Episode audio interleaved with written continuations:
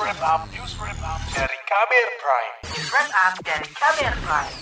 Angka kematian akibat pandemi COVID-19 dalam sepekan terakhir tercatat masih di atas 200 kasus per hari. Bahkan di awal Maret lalu, kasus kematian mencapai 300 kasus per hari. Hingga akhir pekan lalu, Satuan Tugas Penanganan COVID-19 mencatat total kematian akibat COVID-19 di Indonesia mencapai 150 ribu kasus. Angka ini menempatkan Indonesia di posisi kedua tertinggi di Asia setelah India. Menteri Kesehatan Budi Gunadi Sadikin pernah mengatakan puncak kematian COVID-19 karena varian Omikron diperkirakan terjadi setengah bulan setelah puncak kasus COVID-19 gelombang ketiga. Biasanya puncak dari yang wafat itu akan terjadi 15 sampai 20 hari sesudah puncak kasus. Jadi walaupun di beberapa provinsi seperti DKI Jakarta sudah mulai menurun, Bali juga sudah mulai menurun, tapi puncak kematiannya baru akan terjadi dua minggu sesudahnya.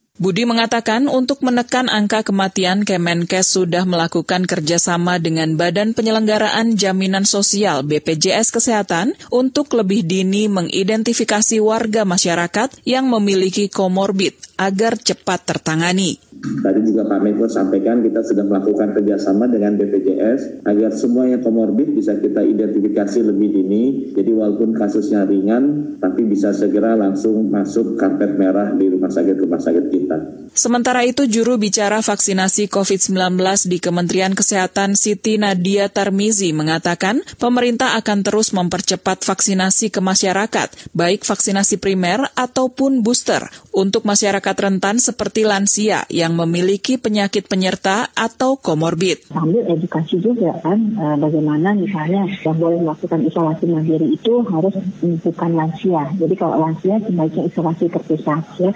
Kedua, eh, sebaiknya orang yang punya komorbid, apalagi komorbidnya tidak terkontrol, itu baiknya isolasi terpusat ya. Jadi kalau misalnya usianya muda, eh, di bawah 45 tahun atau di bawah 50 tahun lah ya, dan eh, dia tidak punya komorbid, itu isolasi mandiri tidak masalah. Tapi kalau kemudian dia punya komorbid, obesitas, ya, hipertensi yang nggak terkendali gitu ya, itu sebaiknya dilakukan isolasi terpusat atau ke rumah sakit. Makanya tidak boleh melakukan isolasi mandiri. Selain itu, Kementerian Kesehatan juga mengklaim terus melakukan pengawasan untuk memastikan pasien dengan tingkat kerentanan tinggi dapat segera tertangani. Tujuannya untuk mengurangi tingkat keparahan pasien dan menekan angka kematian. Namun, Ketua Umum Perhimpunan Rumah Sakit Seluruh Indonesia Persi, Bambang Wibowo, meminta dukungan penuh dari pemerintah untuk menekan angka kematian akibat COVID-19. Pertama itu bagaimana mendorong kemudahan akses untuk vaksinasi dan menyediakan vaksin. Ya, Pak. Kedua juga akses untuk konsultasi lewat telekonsultasi maupun telefarmasi. Ya, kemudian memenuhi kebutuhan uh, obat. Kemudian juga peran uh, masyarakat sendiri, peran tokoh masyarakat, semua kementerian lembaga itu sangat mendukung sebetulnya. Karena kalau sampai kasusnya tinggi, kemudian yang masuk ke rumah sakit tinggi, rumah sakit tidak mampu uh, menampung uh, mutu layanannya buruk, angka kematiannya juga akan lebih tinggi. Itu. Sementara itu, pakar epidemiologi dari Universitas Griffith Australia, Diki Budiman menilai penyebab tingginya angka kematian di Indonesia karena faktor deteksi dini atau 3T yang masih belum baik. Ditambah belum meratanya angka vaksinasi dan penyakit penyerta lansia turut memperparah angka kematian di Indonesia.